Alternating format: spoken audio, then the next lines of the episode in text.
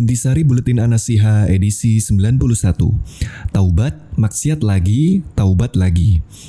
Allah Azza wa Jalla akan menguji manusia dalam hidupnya dengan tiga kondisi, yaitu kondisi ketika mendapatkan musibah, kondisi ketika ia mendapatkan nikmat, dan kondisi ketika ia dihadapkan dengan maksiat.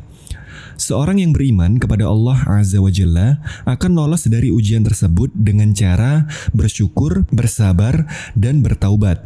Berikut ulasan yang kami himpun. 1. Allah terus mengampuni hamba tersebut selama terus bertaubat. Dalam banyak ayat, Allah Azza wa Jalla juga menunjukkan bahwa dia adalah zat yang akan selalu menerima taubat seorang hamba. Sebagaimana dalam firman-Nya yang artinya, siapa yang berbuat kejahatan atau menganiaya dirinya, kemudian memohon ampunan kepada Allah, niscaya akan mendapati Allah Maha Pengampun lagi Maha Penyayang. Quran Surat An-Nisa ayat 110. Juga dalam firman-Nya ketika menceritakan tentang Nabi Nuh alaihissalam, Allah berfirman yang artinya, Mohonlah ampun kepada Tuhanmu. Sesungguhnya dia maha pengampun jika kamu memohon ampun. Niscaya dia akan menurunkan hujan yang lebat dari langit kepadamu, memperbanyak harta dan anak-anakmu, serta mengadakan kebun-kebun dan sungai-sungai untukmu. Quran Surat Nuh ayat 10-12 atau dalam firman-Nya ketika menceritakan tentang Nabi Hud alaihissalam, Allah berfirman yang artinya, Wahai kaumku, mohonlah ampun kepada Tuhanmu, kemudian bertobatlah kepadanya.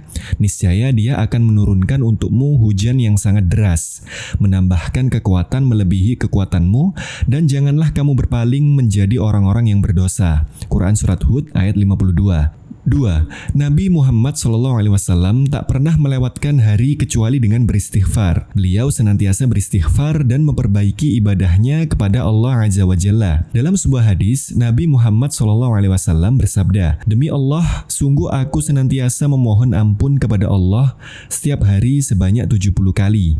Hadis riwayat Bukhari. 3. Putus asa dari ampunan Allah bukan karakter orang beriman. Dalam sebuah diskusi, Allah Azza wa Jalla berfirman, Wahai anak Adam, selagi engkau meminta dan berharap kepadaku, maka aku akan mengampuni dosamu, dan aku tidak pedulikan lagi. Wahai anak Adam, walaupun dosamu setinggi langit, bila engkau mohon ampun kepadaku, niscaya aku akan ampuni. Wahai anak Adam, jika engkau menemuiku dengan membawa dosa sepenuh bumi, tetapi engkau tidak berbuat kesyirikan kepadaku, niscaya aku akan datang kepadamu dengan memberi ampunan sepenuh bumi pula. Hadis riwayat At-Tirmizi.